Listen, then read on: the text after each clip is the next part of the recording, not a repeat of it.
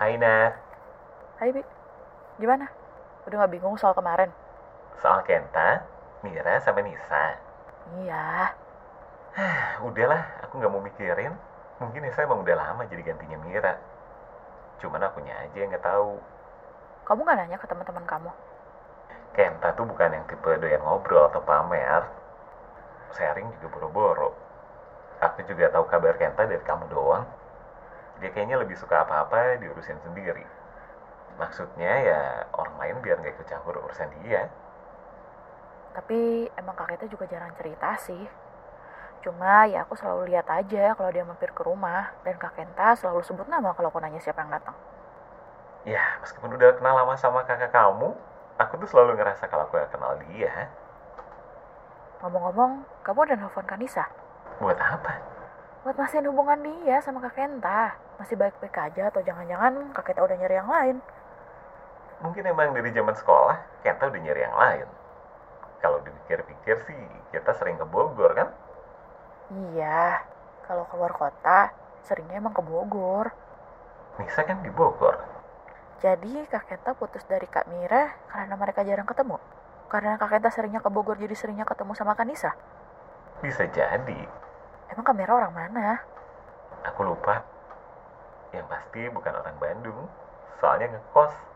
Ah, kamu aja Bandung tapi ngekos. Aku cuma mager bolak-balik naik angkotnya.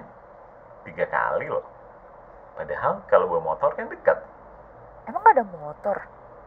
Aku tuh pakai motor pas udah jadian sama kamu aja, Nar. Zaman kuliah, aku tuh masih kos. Terus kerja di kampus, jadi kosnya ya lanjut. Aku mager pergi kemana-mana. Pas udah ada aku.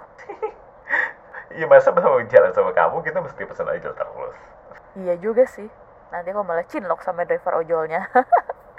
Ngomong-ngomong soal cinlok, kayaknya Kenta itu cinlok deh sama Nisa. Kayaknya sih gitu. Gimana nggak cinlok coba? Mereka kan sering ketemu. Kadang rasa itu ada karena terbiasa. Tapi kita sejauh ini baik-baik aja, Bi. Ya kan, nggak semua orang tahan sama LDR, Nar. Kamu tahan? Kamu tuh yang harus ditanya. Aku sih baik-baik aja. Kamu gimana? Udah mulai nyari ganti. Ganti apa? Gantinya aku lah. Emang tahan ditinggalin sejauh dan selama ini. Gak apa-apa, Bi. Beneran nih nggak apa-apa. Gak apa-apa. Aku udah bisa terima resikonya kok, Bi. Termasuk kalau nanti mesti kita long distance marriage. Iya, Bi. Gak apa-apa. Kalau aku pulang cuma pas kamu ulang tahun gimana? Iya, gak apa-apa. Serius nggak apa-apa?